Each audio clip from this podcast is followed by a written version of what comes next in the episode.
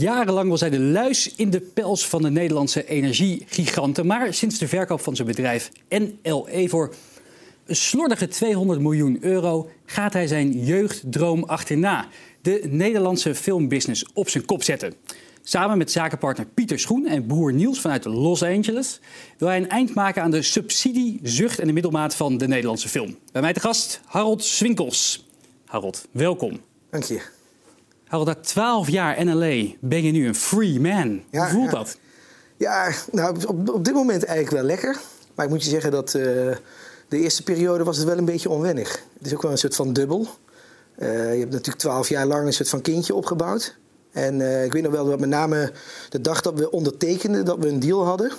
daarna was het niet meteen allemaal rond. En dat ik de volgende dag naar kantoor reed. En dat ik toen ook wel een soort van weemoedig gevoel had.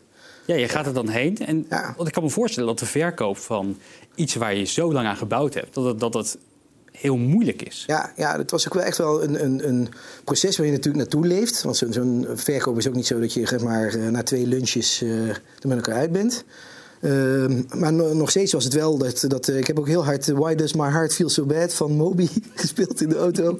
om het nog even lekker voor mezelf wat, wat vetter aan te, aan te, aan te drukken. Ehm, maar ehm, eh, ja, aan de andere kant voelde het ook wel weer goed. Omdat we wisten van ja, dit was gewoon een goed moment. Iedereen was het erover eens. Iedereen was er mee eens dat het, dat het ook goed was voor de toekomst van het bedrijf. En eh, dus ja, vandaar het dubbele gevoel. Aan de ene kant weemoed, aan de andere kant opent het natuurlijk ook nou ja, allerlei mogelijkheden eh, waar ik eh, 25 jaar geleden nog niet van kon dromen. Je hebt wel in één keer zeeën van tijd over. Is nog niet ge- voorgekomen dat je vrouw op een gegeven moment zei van Harold, nu even wieberen. Nou, het, het punt is dat ik, ik zit zeg maar nog, nog steeds wel in een soort van afkikfase. Dus ik heb ook, zeg maar, stress hebben is een soort van, eh, soort van comfortzone. Dus ik heb de neiging om heel veel afspraken te maken. Interviews te geven, je zit dat hier. soort dingen. Ehm, maar ik weet wel dat, dat inderdaad de dag na tekenen, dat was 28 december afgelopen jaar. Toen, eh, toen was ik thuis en ik was ondertussen nog aan het bellen. En toen eh, liep ik bij ons eh, in de keuken en daar pakte ik een doosje op met al bellend met, met kerstverlichting. En toen zei ik tegen mijn, mijn meisje, ik zeg, wat doet die kerstverlichting hier? En toen zei ze, kijk, zo gaan we dus niet beginnen. Hè? je gaat je hier niet bemoeien met het hele huishouden. En dat, dat heb ik tot op de dag van vandaag wel, wel onthouden. Ja, ja, ja.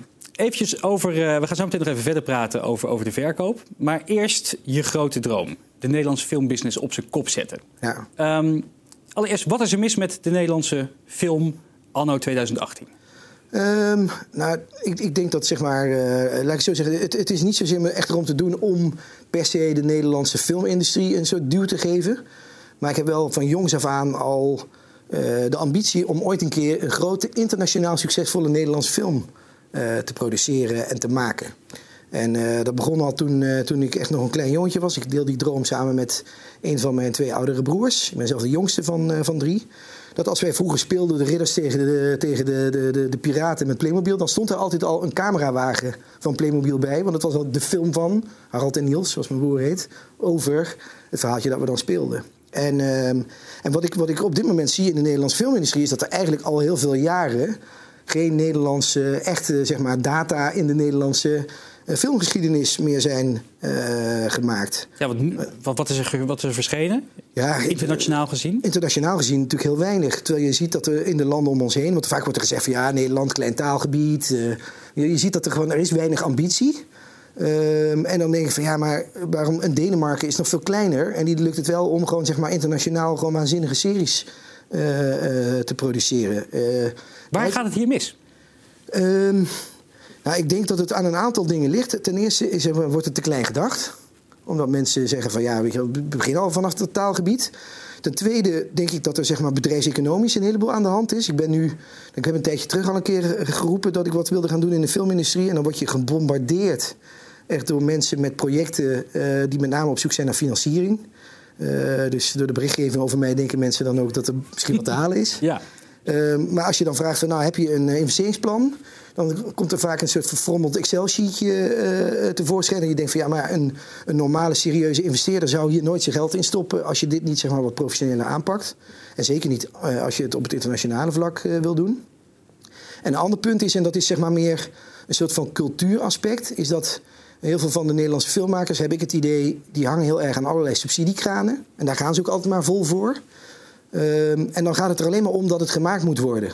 En uh, dan zijn ze ook bereid daar concessies voor te doen.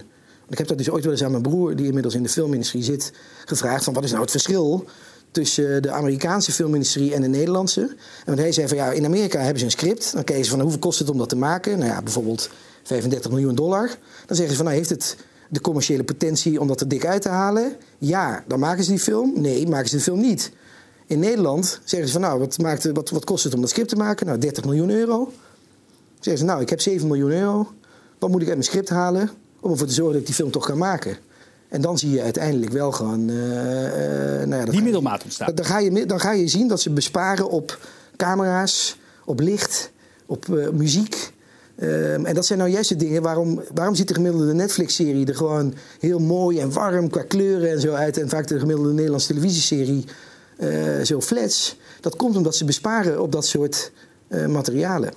Dus kwaliteit. Kwaliteit. Ja, het moet high-end zijn. De broer zit inderdaad inmiddels in Los Angeles. Werkt voor Universal als Executive Vice President of International Distribution. Heel goed. Heb ik het helemaal, helemaal, helemaal, goed. Ja, uh, ben je niet een beetje jaloers? Hij, heeft, hij zit daar al natuurlijk. Ja, nee, ja zeker. Gewoon, ik bedoel, we hebben ooit met elkaar de afspraak gemaakt dat hij de filmbusiness in mocht.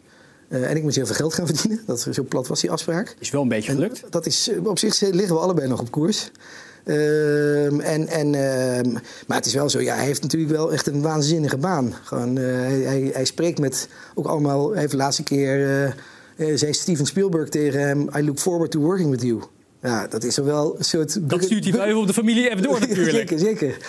dat is echt wel een bucketlist itempje natuurlijk. Gewoon als je zelf in de jaren 80, 90 als filmliefhebber bent, uh, bent opgegroeid. Wat, wat voor films hou je zelf eigenlijk van? Wat voor, wat voor genre moet ik aan denken? Uh, nou, ik hou zelf van, van echt heel breed. Dus ik hou aan de ene kant vind ik echt gewoon arthouse uh, vind ik, uh, vind ik tof. Maar ik hou ook gewoon van zeg maar meer de blockbusters. Wat, is, wat, wat is een goede film die je de afgelopen maand, twee maanden hebt gezien? nou, ik heb afgelopen vrijdag Ready Player One gezien. Dat is een nieuwe Spielberg over VR-wereld. Oh ja. Het is echt, echt wel een hele tof film. Ik had het boek ook gelezen. Ik moest wel even aan wennen hoe hard ze het boek hebben losgelaten. maar wel een hele gaaf film. Ik vond afgelopen jaar echt een onderschatte film Blade Runner 2049. Mm Vond ik echt een meesterlijk gemaakte film.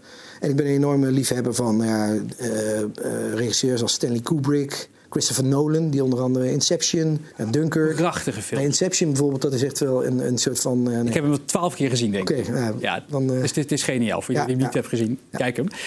Um, je hebt natuurlijk wel wat ervaring in film, want je hebt vroeger ook voor NLE al die reclamespotjes geregisseerd. ja. Klopt. Ja, ik denk dat ik daar een uh, 3,5, 4 jaar geleden mee uh, ben begonnen. Toen ja, we waren in die zin met NLE natuurlijk altijd wel een tikje eigen gereid. En we werden moe van reclamebureaus die dan zeiden wat ons merk zou moeten uitstralen. En toen heb ik op een gegeven moment dacht ik van, nou ja, ik wil eigenlijk al heel lang filmen. How hard can it be? Ik ben een hele grote klant. Dus misschien kan ik dan ook gewoon zeggen uh, dat ik klant van mezelf word en het dan wel zelf ga doen. En nou, moesten de aandeelhouders daar wel van overtuigen, maar die kon ik dan met name overtuigen op het gebied van de kosten. dus uh, ja. zeggen, ja, het is veel goedkoper. Ja. En, toen waren uh, ze toen, snel om. Ja, en toen werkten de, de reclamespots ook nog goed. Wat waren dit ook die reclamespots met Frans Bauer en Maurice de Hond? nee, dat, dat niet. Dat, zeggen, dat waren geen Oscar-winning Nee, nee, nee, aan de ene kant niet. Aan de andere kant ging het natuurlijk. Het, het gaat er meer om van wat was nou het doel van die spotjes. En die waren wel bewust lelijk. En uh, dat heb ik uh, ooit nog wel eens een keer zitten beargumenteren. Ik ben ook wel eens een keer bij een of andere reclamecongres voor studenten. midden in die tijd geweest. Dus ik werd natuurlijk helemaal gebashed. Uh, door, door, alle kanten, ja. Sowieso wel gebeurde dat op feestjes en partijen in die tijd altijd. Maar ik zei van ja, om iets bewust lelijk te maken moet je ook weten wat schoonheid is. En, en wij wisten gewoon van, het moet gewoon zo opvallen in het reclameblok. En het moet met name gewoon cheap uitstralen. Gewoon, je, gewoon je wilde goedkoop, je wilde de goedkoopste zijn. Goedkoopste. Het moet ook goedkoper uitzien. Precies. En dat, uh, dat hebben we toen gedaan. Dat hebben we misschien wel, zijn we daar op een gegeven moment wel een beetje in doorgeslagen. Uh, twee lode leeuwen op de schoorsteenmantel uh, mogen verwelkomen. Alleen, ja, die, ze, ze, ja, zeker. Maar ze, ze zijn nog, met het opruimen van het kantoor kwam er nog eentje tevoorschijn. Dus dat was wel, was wel een mooi moment dat we elkaar nog even hebben gefotografeerd met die lode leeuw. Pieter en ik. Um, ja. Op welk moment ben je gaan nadenken bij jezelf van... joh, het is nu twaalf jaar verder sinds de, sinds de start, we hebben ja. het al bereikt. misschien wordt het wel tijd om over een exit te gaan nadenken. Um, ja, dat zal denk ik een jaar of twee geleden al, uh, al zijn. We zijn zeg maar Uh, in, in de twaalf jaar zijn we wel meerdere keren benaderd. Door, vaak door meer traditionele energiebedrijven uit het buitenland. Die zeiden van nou we willen graag een entrance in Nederland. Uh, zijn jullie ervoor in? Nou, vanuit een ervaring van een eerder bedrijf waar we ooit een overnamebod hebben gehad, op hebben gehad dat gigantisch was en dat we toen hebben afgeslagen. En waar het bedrijf 2,5 jaar later failliet was. Uh, betekent het wel dat je, zeg maar, je blijft dan altijd wel gewoon, zeg maar, in een soort van modus dat je al je opties open moet houden. Dus we hebben ook altijd gezorgd dat we goed contact hielden met verschillende M&A-adviseurs en investmentbankers, et cetera. Maar toch iedere keer vonden we van nee, het voelt nu nog niet goed. Ik weet nog wel dat we de eerste keer dat we weer nee zeiden tegen een bod, nadat we net die ervaring hadden gehad, dat we die avond wel heel erg dronken zijn geworden. uh, dat we dachten van, nou gaan we het weer doen. Uh, maar toch ja, voelden we gewoon dat er nog heel veel groeipotentie in zat. of dat we nieuwe dingen konden gaan doen. En uh, dat hadden we nu ook. We, waren, we hadden zeg maar, twee jaar geleden al wel bedacht van we gaan naast energie ook telecom uh, erbij doen. En we dachten zelf van dat zou wellicht eens een soort van gouden strategie uh, kunnen gaan worden voor bedrijven zoals, zoals wij. Veel meer vanuit een soort platformgedachte in plaats van energiebedrijf willen spelen. En dat waren we eigenlijk aan het doen. En, maar ondertussen zagen we ook dat er in landen om ons heen hele grote oliereuzen, precies soort bedrijven zoals wij aan het overnemen waren. Uh, je had onder andere in uh, Engeland had je een bedrijf dat heet First Utility. Nou, daar hebben we ook nog wel eens een keer een paar avonden mee gedineerd en geborreld. Dat was een waanzinnig goede klik, maar dat waren, waren vergelijkbare soort bedrijven, werd overgenomen door Shell. Mm -hmm. In België was een soort vergelijkbaar bedrijf, dat heette Lampiris, werd overgenomen door Total. Dus we van, zagen van, oké, okay, er komt dadelijk weer een heel nieuw krachtenveld aan. aan. Uh, en uh, in Nederland is bekend, staat Eneco in de etalage. Dus wij weten gewoon bijna zeker van er gaat eigenlijk in de Nederlandse energiemarkt een oliereus uh, komen. komen. Ja, die staat voor 2,7 miljard of zo te kopen. Precies, maar goed, dus voor die oliereus is dat, uh, is dat, is peanuts. Dat peanuts. Dus dat, dat, en die oliereuzen die moeten wat, want die, die willen natuurlijk die willen richting die consument en die willen verduurzamen. Ik denk dat dat een goede ontwikkeling is. Alleen wij zeiden wel van ja, met tussen de, nou wat zullen we zeggen, tussen de 350 en 450.000 uh, huishoudens als klant, ben je ook qua inkoopkracht en qua slagkracht en je schaalvoordelen eigenlijk net te klein om misschien dat nieuwe krachtenveld weer aan te kunnen. Mm -hmm. Dus we zeggen, je zou eigenlijk heel snel moeten verdubbelen. Nou, en ja. autonoom werd dat heel lastig. Dus we waren toen eigenlijk al een beetje om ons heen aan het kijken van... oké, okay, valt er niet ergens anders een partij over te nemen? Maar over het algemeen waren het dan wat kleinere klantenbestanden... van de meer traditionele partijen, waar geen culture match was. En er was nog een andere partij in de markt, die heet uh, Nutsgroep. Die een merk in de markt had, onder andere budget van budgetenergie. En uh, nou, die oprichter daarvan die ken ik goed, want dan zat ik mee in het bestuur van de branchevereniging. En we waren de enige twee nieuwkomers in dat bestuur. Dus het matchte wel, klikte. klik. Dus we waren al een paar keer op met elkaar gaan lunchen. Van joh, het zou toch wel mooi zijn als we ooit de handen ineen zouden kunnen slaan. Maar ja, dan ben je allebei ondernemer. Je vindt je eigen bedrijf toch net iets toffer dan het van de ander. Dus toen, uh, toen hebben we op een gegeven moment een keer tegen elkaar gezegd van nou, we laten hier maar mee ophouden met, met, om, met dit onderwerp uh, bespreken.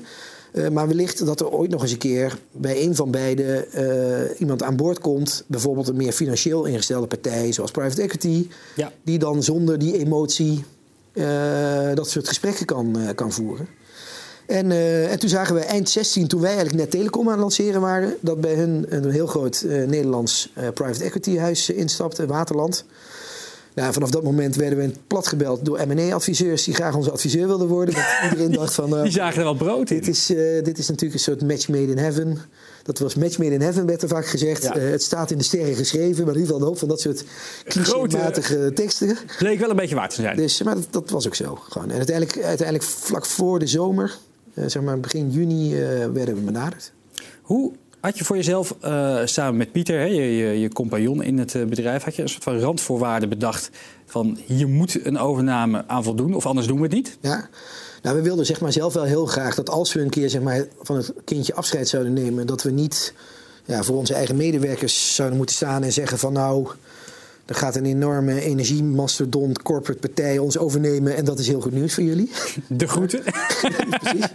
Uh, dus wij waren in die zin wel heel blij dat het een, uh, meer een, een, een, een partij zou zijn die er nog die eigenlijk wilde doorgroeien en het ondernemerschap ook niet zou uh, willen killen. Dat, we, zeg maar, dat, dat, is, dat is eigenlijk in de basis zeg maar, de, de, de vriendschappelijkheid die bij ons in het bedrijf zat en het ondernemerschap dat wij hadden weten te creëren in die twaalf jaar was een, in die zin een belangrijkere kern dan de omzet. Zeg Ja. maar. die, uh, die, uh, dus dat wilden we eigenlijk graag veiligstellen. En dat vonden we natuurlijk bij deze partij. Nou, dan heb je daarnaast nog randvoorwaarden dat je, dat je zeg maar zelf uh, ook, ook, ook weet van, nou ja, ik wil, niet, uh, ik wil het niet voor een appel en een ei doen. Want we, zitten, uh, we staan niet met ons rug tegen de muur. Sterker nog, we hadden net heel succesvol Telecom gelanceerd. Dus ja, wij dachten van, joh, als je al die grafieken die we nu zien Doortrekt. gaat doortrekken, dan, dan, dan, precies. Prachtig, prachtig, prachtig bedrijf. Um, en het was ook nog wel gewoon, zeg maar, voor ons van belang dat, we, dat het een partij was die ook niet meteen zeg maar, zijn eigen merk erop uh, zou gaan plakken. En uh, dat dan zeg maar, de hele marketing. Uh, machine die we hadden weten te creëren met, uh, met NLE zeg maar, te zielen zou gaan. Nou ja, en Waterland heeft net een investering, investering zelf gekregen van 2 miljard euro volgens ja, mij. Ja. Dus je wist dat er wel wat ruimte was voor de onderhandeling. Ja, ja dat was op zich wel grappig. Want het was volgens mij bij de eerste echt formele bespreking met ze werd dat bekendgemaakt terwijl wij met hun spraken. dus dacht van nou, daar zal, daar zal het niet aan liggen, dachten we toen. dus ja, ja. Terug naar de films. Wat, ja. uh, wat ben je van plan? Wat wil je uh, nu gaan maken? Um, wat ik, wat ik, waar ik natuurlijk een beetje mee gehandicapt ben, is dat ik tot nu toe uh, met name films heb gemaakt voor mezelf. dus ja, er zijn mensen over het algemeen nog niet zo heel erg van onder de indruk. Afgezien dat die, dat die commercials het wel aantoonbaar goed hebben gedaan. Uh, maar ja, ik kan nu ook niet naar Amerika toe en zeggen van... joh, uh, hey, hallo, ik ben Harold. Ik heb hier een filmpje met... Ik heb een uh... filmpje van 30 seconden en ik heb een energiebedrijf opgezet. Uh, zullen we film maken? Ja. Uh, maar heb je iets in je hoofd wat voor... of je gelijk een featurefilm wil maken? Wil je een arthouse film beginnen? Wat voor rol zie je voor jezelf daarin? Ja, nou, ik wil, wat ik eigenlijk graag wil is dat ik aan de ene kant wil ik gewoon commerciële films maken. Dus eigenlijk gewoon commercials bijvoorbeeld. Ehm, ik, heb, ik heb al...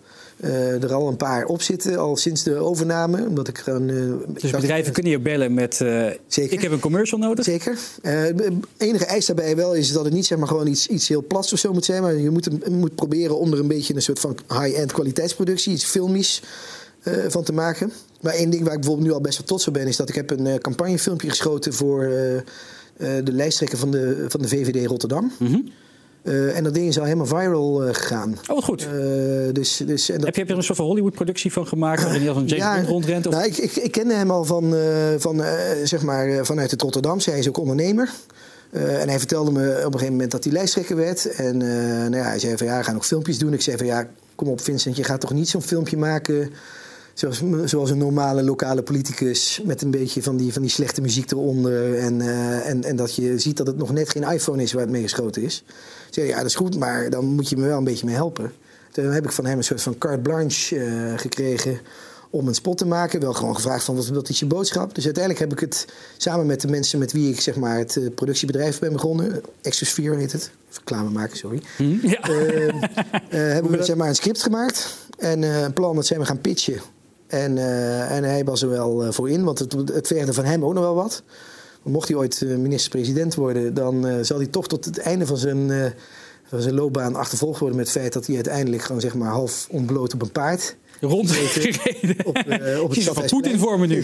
ja, het was, het was in die zin de, de, de vetste knipoog was uh, op de internetklassieker uh, gericht het filmpje van uh, Old Spice, Man on a Horse. Ja, die is... Dat hij uiteindelijk zegt, and by the way, I'm on a horse. Nou, dat, dat heeft hij in dat... dat Ook gezegd, ja, ja, met een Rotterdamse accent. Ja, ja, gewoon met een mooie VVD Rotterdamse accent. VVD Rotterdamse accent. Ja. hey, nog eventjes over, over, over, over, over je droom, hoog over. Ondernemers heb, spreken altijd over een B-hack, een big, ja. hairy, audacious goal. En een onverschrokken doel voor de toekomst. Ja. Als je het hebt over een B-hack en films maken, dan kan je eigenlijk maar één, op één plek uitkomen. Ja. De Oscars. Ja. Ja. Is dat ook jouw grote droom? Nou, niet zozeer de Oscars. Niet? Nee, meer gewoon dat het, dat het zeg maar. Het gaat, het gaat mij met name. Ik ben natuurlijk wel gewoon echt een ondernemer. Dus het, ik heb liever geen Oscar, maar wel heel veel bezoekers dan wel die Oscar en zeg maar in de krochten van de Oscar-analen terechtkomen. Zeg maar. Dus ik wil wel heel graag een film maken die nou, in principe de, de best bezochte Nederlandse film uit de geschiedenis van de Nederlandse film. En dan met wereldwijd bezoek. Dat zou zeg maar de box office is toch hetgene wat het box office doet. is leidend. Ja. Hoeveel jaar moeten we voor denken? Ja, ik hoop binnen een jaar of vijf. Jaar of vijf? Ja. ja. Dan spreken we elkaar dan weer. Is goed. Harold Swinkels, dankjewel. Yes, graag gedaan. En jullie bedankt voor het kijken naar een aflevering van Seven Ditches TV. Wil je meer gave ondernemersverhalen? Schrijf dat in voor onze nieuwsbrief. Volg ons op alle social kanalen. En dan zie ik je graag de volgende keer.